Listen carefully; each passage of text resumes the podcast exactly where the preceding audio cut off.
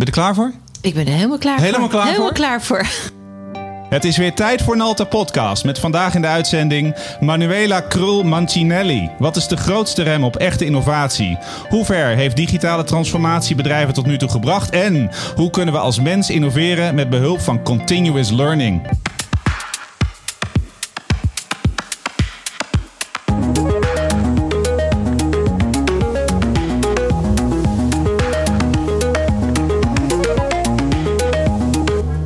Is Nalta Podcast, aflevering 38, opgenomen op vrijdag 21 augustus 2020. Continuous Learning. Nalta Podcast wordt je aangeboden door Nalta.com, uw partner voor het bouwen van platformen voor IT en digitale transformatie en softwareontwikkeling. Het is tijd voor Nalta Podcast, waar we ingaan op ontwikkelingen in ons innovatieve vakgebied van IT. Vandaag spreek ik met Manuela Krul Mancinelli, expert op het gebied van digitale transformatie en innovatiemanagement. Ik leerde haar een aantal jaren geleden kennen bij B-Building in Amsterdam. Ze is een grote inspiratie voor velen als het gaat om haar passie voor doelgedreven innovatie. Welkom, Manuela. Dankjewel. Oeh, wat is het warm hier. Ja, het is goed warm deze zomer. En het is in één keer flink gas geven, want we hebben weer een nieuwe podcast. We zijn weer twee weken verder en ik ben super trots dat je de moeite neemt om hier te komen zitten. Superleuk. En voor de zijn. Wie Ja. ben je? Wie ben ik? Ja, dat is een goede vraag. Eh, nou, je zei het al, Manuela Krul Mancinelli. Dus eh, mijn achtergrond is eh, half Nederlands, half Italiaans. Ehm, eh, ik heb van huis uit niet veel meegekregen op het gebied van techniek.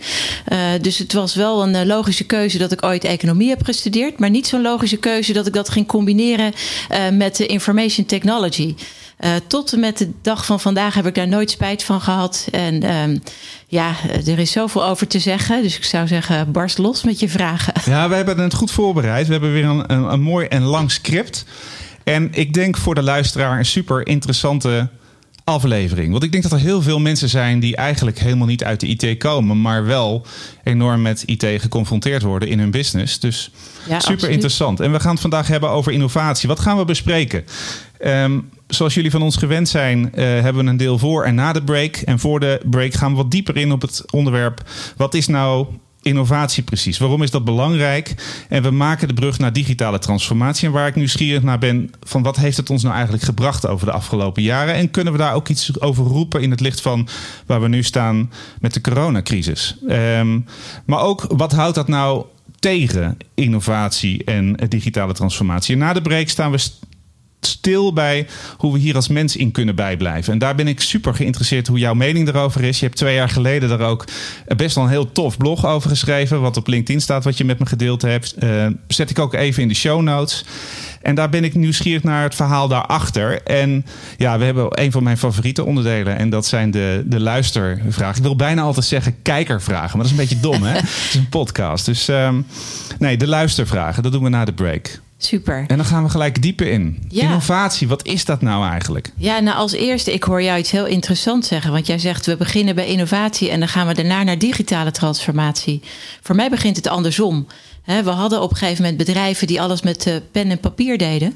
Eh, en eh, toen kwam het internet. En toen wilden bedrijven op, op internet present zijn. Ehm, en eerst was dat gewoon het reflecteren van statische informatie. Maar dat is op een gegeven moment overgegaan naar interactief met je klanten omgaan via het internet. En dat is eigenlijk digitale transformatie. Digitale transformatie gaat eigenlijk over van pen en papier business doen eh, naar online zaken doen. En online zaken doen, dat is dat van papier naar online, dat is wat we digitale transformatie noemen. En dat komt eigenlijk eerst. En waarom zit je nu pas in mijn podcast? We, hebben, we zitten nu op aflevering 38. We hebben het heel vaak geraakt. En iedereen heeft wel zijn eigen definitie. En er zitten hele goede tussen. Maar ik, dit is wel een van de meest scherpe, moet ik zeggen. Nou ja, dankjewel. Ja, ik weet niet. eh, kom graag nog een keer terug, laten we het zo zeggen. Dan laten we vooral vooruitkijken. Dat hoort ook bij innovatie. Ja. Eh, maar dus digitale transformatie gaat van pen en papier naar het online zaken doen. Dat stopt niet met het hebben van een website of een app. Maar op het moment dat je dat bouwt, moet de functionaliteit ook helemaal werken. Dat betekent dat de totale processen daarachter. ehm, uh, ja, werkend moet zijn, omdat je anders een klant niet goed kunt bedienen. En vanuit die digitale transformatie, daar zijn we nu best wel uh, behoorlijk aan gewend, zeker in de huidige tijd waarin we alles maar online bestellen enzovoorts. Uh, vanuit de huidige ehm, tijd kijken we ook weer verder, want dan zeggen we wat zijn er nog meer voor technologieën die ons nieuwe producten en diensten kunnen bieden. En dat is wat we innovatie noemen. Dus eigenlijk wat je zegt, digitale transformatie is eigenlijk. Uh, hoe noem je dat? Oude wijn in nieuwe zakken. Dus wat we al deden, hebben we nu digitaal gemaakt. Ja. En nu wordt het tijd voor die volgende stap. En die heet innovatie. En, die, en innovatie gaat eigenlijk over het, uh, het bedenken van nieuwe producten of diensten met behulp van nieuwe technologieën. He, dus uh, uh, nou, even helemaal terug naar de eerste industriële revolutie. Uh, toen woonde, tot die tijd woonde 2% van de wereldbevolking in stedelijke gebieden. Toen kregen we de stoommachine en toen gingen we fabrieken opzetten. En daardoor wilden mensen opeens in de stad wonen, want dan woonden ze dichter bij hun werk. Mm -hmm. Nou, vandaag de dag woont meer dan 50% van de wereldbevolking in stedelijke gebieden. en gaan we kijken hoe we met nieuwe technologieën de steden leefbaarder kunnen maken. Mm -hmm. Maar door de invloed van nou, de huidige tijd, ik, ik bedoel daarmee de coronatijd. Ik wil het woord eigenlijk niet misbruiken, omdat corona staat voor een ziekte. Dus laten we het over de lockdown of de semi-lockdown ja, ja, hebben. Fair. Uh, en uh, de semi-lockdown zorgt eigenlijk voor dat mensen meer thuis gaan werken. En ik zeg, eigenlijk gaan we weer terug naar de tijd van voor de eerste industriële revolutie. Waarbij iedereen weer uh, ja, verder weg van de stad gaat wonen. En je ziet het nu al in de vastgoedontwikkelingen. Jij denkt dat het blijvend is trouwens, wat er nu gebeurt? Ik weet zeker dat het blijvend is. Het was al gaande. Alle ontwikkelingen die er nu gaande zijn door de lockdowns en de semi-lockdowns... Uh, zijn eigenlijk een versnelling van uh, veranderingen die al gaande waren. Mm -hmm. ja. En dan terug naar innovatie. Je geeft een definitie van innovatie. Um, kan, kan je hem nog iets compacter maken. Dus ja. uh, wat is innovatie? Nou, je hebt drie niveaus van innovatie. Um, maar de, uh, nou ja, de drie niveaus van innovatie gaan eigenlijk over uh, hoe, hoe heftig is de verandering. Als je bij wijze van spreken een, uh, een nieuw product maakt voor een bestaande markt, dan noemen we dat level 2 eigenlijk. Hè? Um, slightly improvements, dus kleine verbeteringen, dat noemen we level 1. Yeah. Dat, dat noemen sommige bedrijven al innovatie, maar dat is eigenlijk meer verbeteringen. Mm -hmm. Gebruikmakend van de technologieën die er nu zijn. Als je een nieuw product voor een bestaande markt kunt maken, dan noemen we dat level 2 innovatie. Mm -hmm. En als je echt innovatie doet, wat, waar we eigenlijk het vaakst aan denken, dat is echt disruptieve innovatie. Dan heb je het over nieuwe producten voor nieuwe markten. Mm -hmm. En dat is waar we vaak aan denken. En als je kijkt naar de investeringen in die verschillende levels, mm -hmm. dan zie je eigenlijk dat de meeste, 70% van het budget van bedrijven wordt gestoken in die level 1, in die verbeteringen. 20% in die level 2, waarbij je dus of voor een bestaande markt een nieuw product maakt of andersom. En slechts 10% van het budget wordt besteed aan level 3 innovatie, aan echt disruptieve innovatie. En hoe komt dat? Ja, ik denk toch omdat uh, bedrijven, of in ieder geval, ja, we hebben het natuurlijk gewoon over mensen, omdat mensen toch een beetje bangig zijn voor, uh, voor, voor het onbekende. En nog even toevoegend op wat ik net zei, die 70-20-10. Als je kijkt naar de, uh, de ROI, dus de return on investment van die investeringen, dan is het precies andersom. Dus die 10% levert in, meer op. Levert meer op dan die 70%. Dan die 70%. Ja. ja. Echt hele detailistische getallen. Heel veel kennis en ervaring. Waar heb je dat opgebouwd? Hoe, hoe, zeg maar, hoe kom je op dit punt uh, waar jij nu staat in je leven? Ja, dat is eigenlijk een, een onophoudelijke nieuwsgierigheid naar alles wat uh, nieuwe technologie teweeg kan brengen in business en in society. Mm -hmm. En um, ik geef wel eens de tip aan mensen van. Uh, als je bijvoorbeeld, uh, nou, de meeste mensen maken wel gebruik van een social media platform. Ik doe bijvoorbeeld op Twitter, daar volg ik bedrijven die ik interessant vind. Mm -hmm. En in Twitter krijg je heel kort een zinnetje van een paar woorden te zien in je overzichtslijst. Ja. En dan krijg je eigenlijk een soort innovatieve leeslijst. Mm -hmm. Dus ik geef dat vaak als tip aan mensen. Je kunt heel makkelijk, als je het niet interessant vindt, toch weer onvolgen. He, uh, maar op die manier kun je bijblijven. En als je zegt van nou, dat vind ik echt interessant, dan klik je door. Dan kan je wat meer erover lezen. Uh, ja, en, en dus toch gewoon um, continuous learning, zoals we dat vandaag de dag noemen. En wat ook de titel van deze podcast Zeker. is. Zeker. En, en, na de break gaan we daar lekker, lekker de diepte, uh, diepte in. Maar, maar terug naar het begin. En dan waarmee je startte. Je, je, je bent gestart niet vanuit de techniek. Je bent gestart vanuit een heel ander vakgebied. Economie, zei je volgens ja. mij. Ja. Um, en nu sta je hier. En dat is eigenlijk waar ik toch wel nieuwsgierig naar ben. Van hoe ziet die route er dan uit naar wie je nu bent vandaag de dag? Je, je vertelt dat je onder andere dus Twitter gebruikt. Of tenminste de, de highlights van Twitter om tot kennis te komen. Maar dat was er nog niet tien jaar of vijftien jaar geleden. Hoe, hoe, werkt dat voor jou? En dat is ook ja. eigenlijk de, waarom ik de vraag stel is voor de luisteraar, zeg maar, wat voor inspiratie kan die eruit halen waar jij nu staat? Nou, dus dat is uh, uh, heel goed dat je dat vraagt. Ik ben inderdaad gestart met economie. En aan het einde van het eerste studiejaar, het einde toen, toen nog Propenduizen geheten, uh, kon je een studierichting kiezen. En toen heb ik puur in het boekje gelezen welke richtingen er waren. Er waren zes richtingen. En een van die richtingen heette bestuurlijke informatiekunde. Mm -hmm. En daar uh, van de 600 eerstejaars economen kozen 30 studenten voor deze richting. Oké. Okay. En um, toen ik mijn studiegenoten vertelde dat ik die richting ging doen, werd ik ook nog voor gek verklaard. Ja, dus maar dan heb je over het algemeen de juiste keuze gemaakt. Dus de tip die ik mensen wil geven is: volg je eigen hart. Ja. En laat je niet beïnvloeden door de dingen om je heen. En dat is denk ik ook wat uh, raakt aan je andere vraag: van wat houdt innovatie nou tegen? Ja, we kijken uh, naar nieuwe ontwikkelingen en dan kijken we wat onze omgeving ervan vindt. En daar baseren we onze mening op. Mm -hmm. Maar probeer nou eens je eigen mening te vormen over zaken. Dus hier komt het hele interessant. Maar dat vind ik gaaf, want je zegt uh, 70, 30, 10. Of 70, 20, 10, dat, dat telt lekker erop. Ja. Um, dat heb je zelf verzonnen. Dat is jouw constatering. Nee, dat heb ik op internet gevonden. Dat heb je gevonden. Uh, dat is okay. uit onderzoek gebleken, ja. Oké. Okay. Ja. Want dat is wat ik zo leuk vind als ik je volg en als ik je lees en als ik je spreek, is dat het zo heerlijk authentiek is.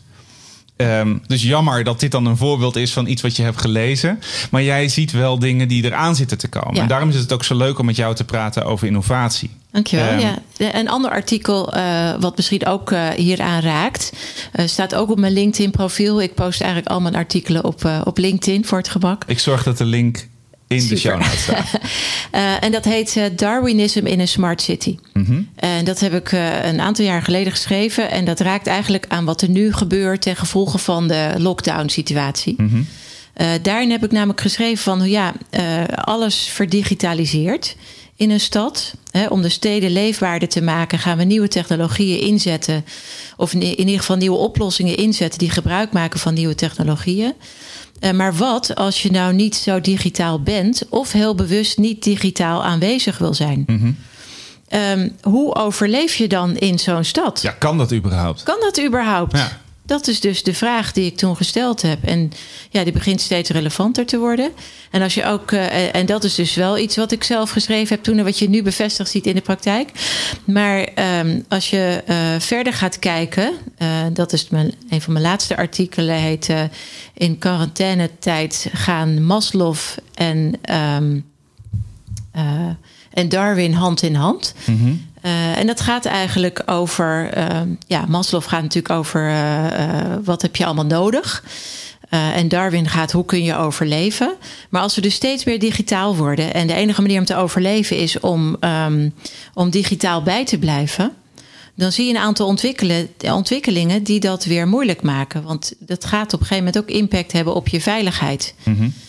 Want als je overal maar gevolgd kan worden, als de combinatie gelegd wordt tussen je fysieke bewegingen en je uh, digitale presence, ja, dat doet iets met je veiligheid. En dat zal ook een van de komende crisis gaan worden. Is de je merkt ook nu, zeg maar rondom de lockdown-crisis, ik, ik adopteer even de terminologie, dat mensen zich daar zorgen over maken. En dat, maar dat merk je ook rondom 5G. Ja. Dat zeg maar, misschien is het niet, soms zijn het latente gevoelens van onzekerheid, onveiligheid. Uh, um, wat gaat er nu gebeuren? Die zich vertalen naar uh, gedrag. Um, en ik denk dat we dat om ons heen zien te gebeuren. En dat we ook als taak hebben om heel goed uit te leggen wat is hier nu precies aan de hand. En hoe zorgen we ervoor dat inclusiveness hebben. Dat iedereen daaraan kan meedoen. Ja, elk dus- geval de keuze heeft om mee te doen. Ja, en als je het hebt over 5G, dat vind ik typisch ook zo'n onderwerp. eh, we weten het gewoon allemaal niet. En we baseren onze mening op dat wat we in het nieuws lezen. Mhm. Maar we weten niet wat de drijfveren zijn van degene die dat in het nieuws zet. Ja. En een van de belangrijke skills, hè, er is een hele organisatie dat is, eh, die richt zich op de skills of the 21st century. Mhm. Ehm, en die haal ik al een aantal jaren aan. En die zeggen eigenlijk dat je. eh, eh, critical analysis is een waanzinnig belangrijke skill en die wordt steeds belangrijker. Dus eh, doe fact-checking als je dingen leest en neem Ja. niet zomaar dingen aan. Ja, ik, ehm, eh, ik volg het nieuws in Amerika nauwgezet. Eh, er komt een, komen waanzinnig interessante maanden aan rondom eh, de verkiezingen, eh, de presidentsverkiezingen daar. En als je, ik dacht vroeger, ja, CNN, als je CNN leest, dan eh, weet je, of kijkt, dan ben je goed geïnformeerd. Ja, Als je de BBC volgt, dan, eh, ja, dan heb je een, neutrale partij te pakken. Nou, het is verschrikkelijk. Het is echt verschrikkelijk. En dan zit ik meer aan de CNN-kant, moet ik zeggen, dan aan de Fox-kant. Dat is dan het hele andere uiterste van het spectrum. Maar het is bizar dat eigenlijk dit soort bureaus, zelfs NOS, ehm, waarvan je eigenlijk mag verwachten, want journalistiek is volgens mij verslag leggen, unbiased verslag leggen. Het zijn geen opiniestukken. Dat dat zo gekleurd is. Dat Ja, is echt maar dat bizar. is natuurlijk al jaren gaande. Ja. Ja. En eh, als je het erover hebt, ook hoe je het net plaatst in de context van 5G, word je al gauw weggezet als, eh, hoe noemen ze dat? Eh, eh, aluminiumfolie gekkie. Of, eh, maar het is, het is super belangrijk om kritisch te zijn. Ja, En- het is heel belangrijk. En mijn advies zou zijn: als je over een onderwerp meer wil weten, zorg dan dat je op zoek gaat naar meerdere eh, bronnen waar datzelfde onderwerp in behandeld wordt. En dan kun je een beetje een beeld vormen van waar het over gaat. En natuurlijk, eh, we hebben nog steeds eh, academisch onderzoek, wat gewoon op basis van feiten. eh, ja, tot bevindingen komt. En dat is natuurlijk een hele betrouwbare bron. Het was niet helemaal de brug die ik van tevoren bedacht had. Richting het tweede deel na de break over continuous learning. Maar het is denk ik wel een hele goeie. Ja, Ehm, en om het innovatiestuk af te ronden, ik denk dat we de definitie helder hebben, de relatie met digitale transformatie eh, helder hebben. Ik vind het een hele mooie. En ik denk dat we richting de break gaan. Maar ik moet nog één opmerking maken, luisteraar. Ik heb hier voor me een plank staan met heerlijke Italiaanse koekjes. Waarvan we bedacht hadden, ja, die kunnen we niet gaan eten tijdens de uitzending. Maar ik heb het er moeilijk mee. Je hebt ze vanmorgen gebakken volgens mij. ja klopt. Heerlijke cantuccini. Oh, En eh, ja, het is, ehm, het is belangrijk dat we ook eh, dingen zelf blijven kunnen. Dat is ook een van mijn eh, passies momenteel. Ik ben eh, recent ook gestart met zelf groenten en verbouwen, kippen houden en Oh, dergelijke. Omdat ik geloof dat we op meerdere gebieden, onder andere naar de voedselvoorziening toe ook. Eh, steeds meer lokaal gaan. En, eh, en we, kunnen, we kunnen heel goed eh, kopen in een supermarkt. Maar we weten eigenlijk amper nog waar ons voedsel vandaan komt. Dus, eh, We gaan naar de break. En wat ik ga proberen is geval één hap te nuttigen tijdens de jingle. Ik ga ervoor. Want to grow your business and take it to the next level? Well, here we all are, and we are going to show you how through hard work, perseverance, and a little help and know how, you can take things to the next level and push the success of your business even further. Let's get going. Ik, ik heb het nu zwaar, want ik heb een klein hapje genomen. En het, ehm, het was eigenlijk best wel een groot hapje, denk ik. Het is erg lekker. ik had het al verteld tegen mijn collega's. Die had een foto vanmorgen gestuurd. En ze vroegen zich ook af of je een fles amaretto of limoncello had meegenomen. dat is erg, hè? Nou, dat vertellen we niemand. Wat Nee. ik eh, wel nog kan vertellen is dat ik eh, zelf olijfolie maak eh, Mm. in Toscane. En dat eh, kunnen ze wel. eh, Maar daar heb je ook een huis of daar woon je ook? Of? eh, laten we zeggen dat ik een tweede leven in Toscane heb. Oh, wat heerlijk. Want je hebt echt Italiaanse roots. Ja, ik ben het een mix van eh, een Romeinse vader en een Amsterdamse moeder. Wauw. Nou, heel gaaf. Heel gaaf. Ja, en dan zitten we in het tweede deel. En dan gaan we het hebben over ja, wel een van jouw passies. Continuous learning. Ja, En kijk, ik ben opgegroeid dat je je, ehm, je diploma moet halen. Dus eh, lagere school, daar rol je doorheen. En dan ga je naar middelbare school. En ehm, dan ga je daarna studeren. En dat is ehm, in mijn geval gelopen. was dat een iets andere route? Tot groot verdriet van mijn ouders. Ze zijn nu geloof ik wel trots op hem, maar ik was nogal lastig met leren. Want ik vond het altijd eh, dat aanpassen aan dat tempo wat in de, in de klas gebeurde. En er zaten er altijd een paar leerlingen tussen die veel vragen hadden. En terecht, maar daar had ik geen geduld voor. Dus ik was liever ergens anders. En ik ben eigenlijk in de IT gerold in die tijd. Omdat dat me veel interessanter leek. Want ik kon me verdiepen in dingen die mij interesseerden. Ehm, maar eigenlijk dan heb je altijd wel een soort van schuldgevoel. De rest van je leven dat je je diploma niet hebt gehaald. En ik denk dat ik nu een aantal jaar geleden, dat kwam door mijn vrouw, die zei: Hey, je hebt zoiets als uh, dus echt leuk, kan je wat leren over de Beatles. Dus um, ik heb me daarop ingeschreven. En ik heb toen op een gegeven moment op het hoogtepunt deed ik vijf van die trainingen tegelijkertijd van die cursussen. Dus ik heb astrologie gedaan. Um, ik heb die Beatles cursus heb ik gehaald. Ik heb mindfulness uh, uh, trainingen gedaan, maar ook wiskunde en super gaaf. En ik kwam erachter van hé, hey, ik kan me gewoon in acht weken tijd of soms in vier weken tijd op een bepaald onderwerp verdiepen. En dan kan ik ook echt iets leren. En ik vond dan ook wel heel leuk dat je daar een certificaat voor kreeg. En dat was mijn eerste ervaring, los van dat je de hele dag data of informatie kunt vergaren met hey, er is ook iets anders dan naar school gaan. Ja. En dan hebben we nu het onderwerp continuous learning eh, te pakken. Hoe kwam jij daarmee in aanraking? Ja, dat is, dat is lastig om te zeggen wat nou precies het moment was. Maar ik denk dat ik altijd ontzettend nieuwsgierig ben geweest naar dingen en dan op zoek ben gegaan naar informatie. Um, uh, dus als je kijkt naar, um, naar de studietijd, daar vertelde ik net, deed ik een combinatie eigenlijk hè, van economie mm -hmm. en information technology. Maar ik heb daar ook uh, Italiaanse literatuur uh, gestudeerd. uh, omdat ik dat heel leuk vond. En daar kreeg ik ook een beurs om een, een maandje in Florence te studeren. Dus dat was ook waanzinnig leuk. Um, wat ik ermee wil zeggen is. Um, Um, mensen realiseren zich soms niet of onvoldoende dat leren verder gaat dan harde skills. Maar dat soft skills ook heel belangrijk worden. En vandaag de dag steeds belangrijker worden.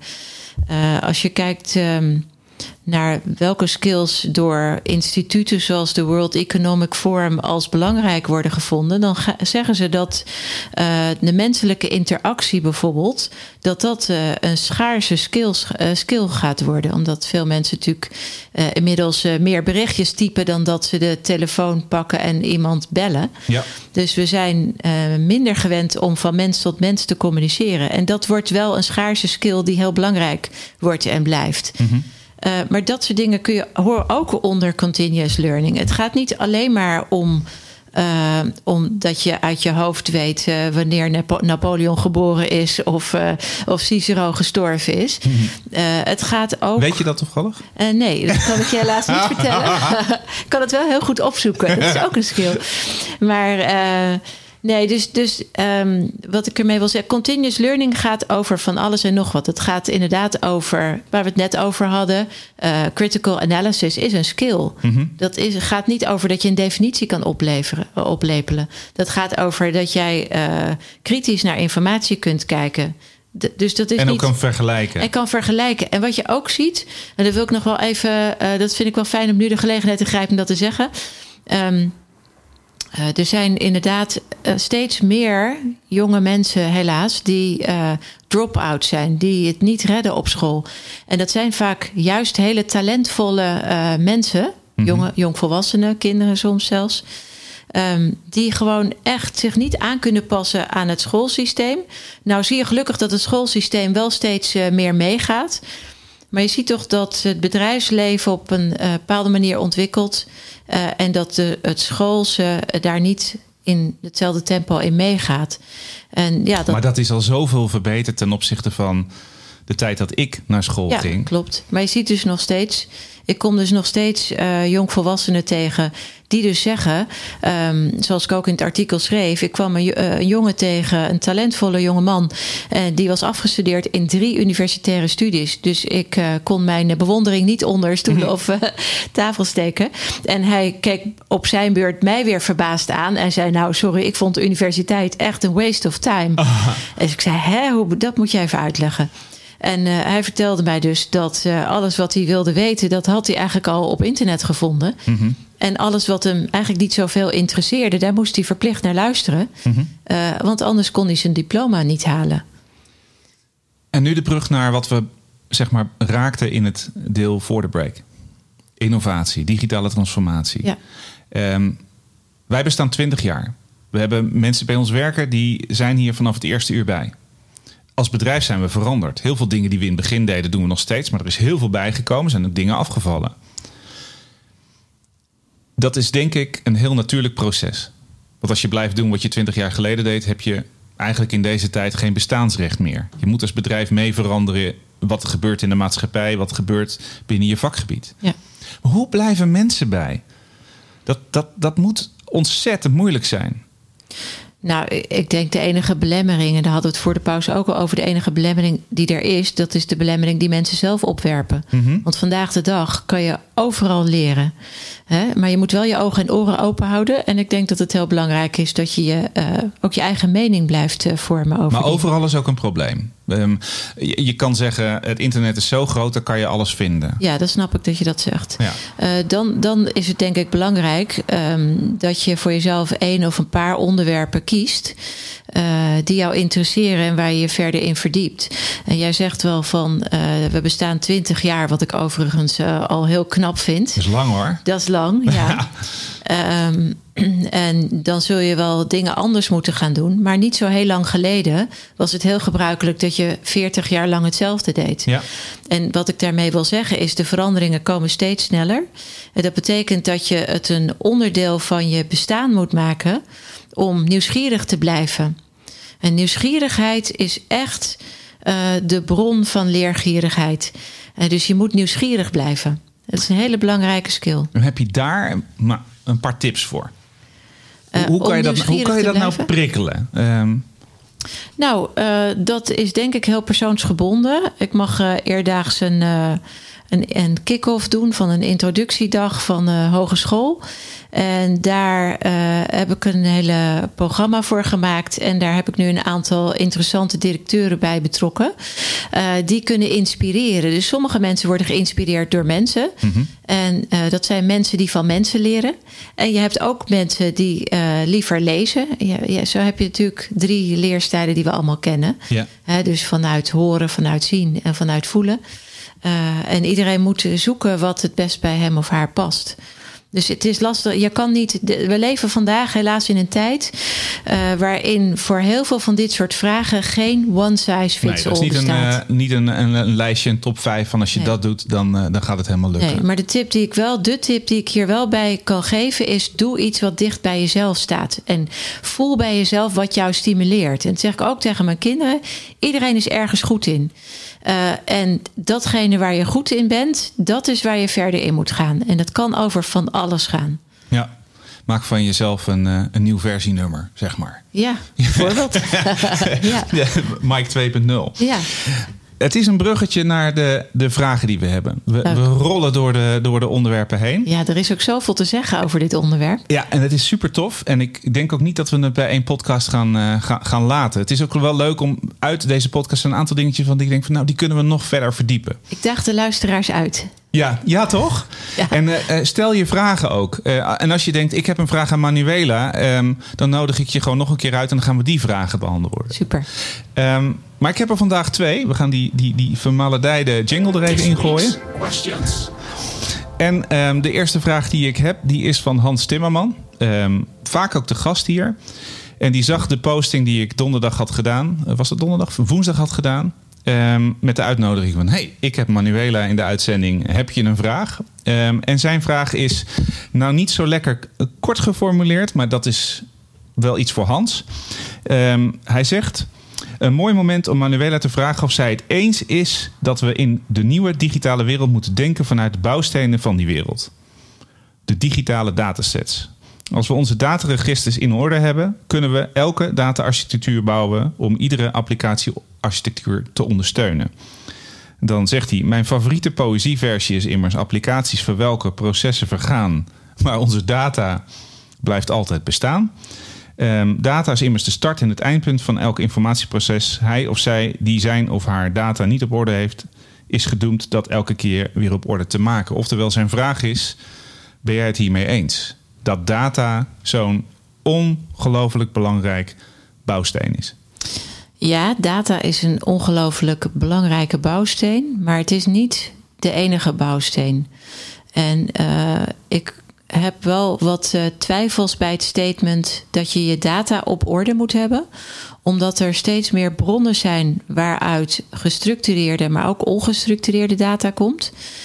Uh, we gaan naar een tijdperk, of we zitten al in een tijdperk, waarin we gaan van uh, nou ja, het wordt in de, in de volksmond genoemd van mobile first naar AI first. Dat betekent dat intelligentie minstens even belangrijk wordt als data. En daarbij uh, moeten we ook ons realiseren dat we zoveel data produceren. Uh, dat er onvoldoende fysieke storage is om al die data op te slaan. Mm -hmm. um, dus je kunt maar deels je data op orde hebben, want je kunt het niet opslaan. Zoveel storage is er niet beschikbaar in de wereld. Ja, de, natuurlijk de definitie van wat is je data op orde hebben, dat is natuurlijk de opslag. Maar ook dat je zorgt dat je erbij kunt en dat de verbanden gelegd kunnen worden. Ja, en dat laatste wordt steeds belangrijker. Ja. Ja.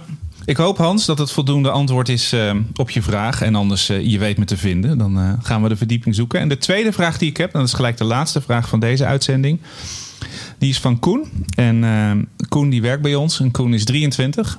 Um, is een hartstikke leuke, uh, frivole jongen. En hij is onder andere ontwikkelaar bij ons. Of ontwikkelaar. En hij heeft een vraag over dat continuous learning stukje. En hij zegt: In het kader van jezelf blijven ontwikkelen, vroeg ik me af wanneer je weet dat je op een ander onderwerp kunt focussen. En genoeg kennis hebt van je vorige verdieping van het onderwerp. Vooral doordat ik zelf graag kennis opdoe van allerlei verschillende gebieden. Dus oftewel, wanneer moet hij stoppen, wanneer mag hij door? Nou, ik herken zijn vraag in de praktijk. Ik ga niet zeggen over welk onderwerp, maar ik heb uh, ook soms onderwerpen waar je op een gegeven moment een beetje verveeld raakt, omdat alle berichten een beetje meer van hetzelfde zijn. Mm -hmm. Dat is voor mij het moment dat ik verder ga kijken. Dus dat zou ik uh, Koen dus aanraden. Aan, ja.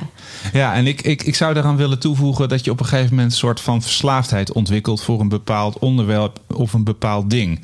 Dat je denkt van oké, ik weet nu wel genoeg, ik moet door. Het, passie moet niet zeg maar leiden tot um, te extreem. Um, dat, ja. Ja, ik, ik, herken niet helemaal wat je zegt, maar uh, als dat voor jou zo voelt, dan is dat. Uh, ja, ik kan er soms ergens uh, volledig in verliezen, weet ja. je? En um, dat is soms niet erg voor een, voor een tijdje, maar daardoor verlies je een beetje het bredere, het bredere plaatje. Ah, zo. Het is ja, ook af, afhankelijk van wat het doel is. Hè? Als het je hobby is, is het prima. Ja.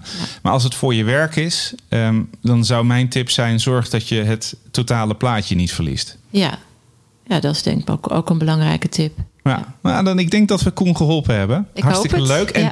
dank jullie wel dat jullie uh, uh, willen en kunnen reageren. Dat, uh, dat geeft een extra dingetje aan de podcast en ook voor de gast. Leuke vragen. We gaan richting het einde. Heb je hier nog iets aan toe te voegen? Iets wat je echt kwijt wil? Um, nou, ik hoop dat uh, is uh, blijven hangen. Dat continuous learning is echt wel waar het over gaat. Dus we zijn echt uit de tijd dat je, uh, ik noem maar wat, voor een bepaald beroep een opleiding doet en dan tot aan je pensioen datzelfde beroep blijft doen. Dat weten we allemaal. Maar wat uh, niet iedereen zich realiseert misschien, is dat die cyclus steeds korter wordt. 40 jaar is natuurlijk heel lang. Mm -hmm. Maar als je kijkt, als je het, een goede test is vijf jaar terugkijken, wat er toen nog niet was en wat we vandaag al super normaal vinden. Um, dus continuous learning, super belangrijk. Blijf nieuwsgierig. Uh, en uh, waar ik zelf ook uh, um, nog op zoek ben naar informatie, is als het allemaal steeds sneller gaat. En je kunt dus niet meer een opleiding volgen, omdat in de tijd van die opleiding de wereld eigenlijk alweer veranderd is. Hoe test je nou dat je inderdaad voldoende kennis van dat onderwerp hebt. Dat is wel iets waar ik nog zelf naar informatie zoek. Dus, Heerlijk, daar ben je nieuwsgierig in. Daar ben ik heel nieuwsgierig naar. Ja. Ik wil je enorm bedanken voor je bijdrage vandaag. Superleuke ja. gast. Ik denk niet de laatste keer. Ik, ik krijg hier energie van. Helemaal, helemaal super. Bedankt voor het luisteren naar de podcast. En Vergeet niet te abonneren op onze podcastkanalen bij Spotify, Apple Podcasts en je te abonneren op ons YouTube-kanaal voor Nalt Explores en Explains video's. En ja, we sluiten weer af met een, uh, met een stuk muziek. En deze keer heb jij het uh, uitgekozen, Manuela. Het is van Karima. Ik kende het niet. Het is Italiaans. Het heet Como in ogni ora. Zeg ik dat goed? Come in ogni ora. Ja, dat klinkt heel heel, heel anders. Zoals in elk uur betekent dat. Zoals in elk uur. En jij luistert dit als je in Italië bent, toch? Dit luisteren we vaak in de auto uh, naar of van Italië. Ja. Bedankt voor het luisteren en tot de volgende podcast. Stay healthy en stay safe.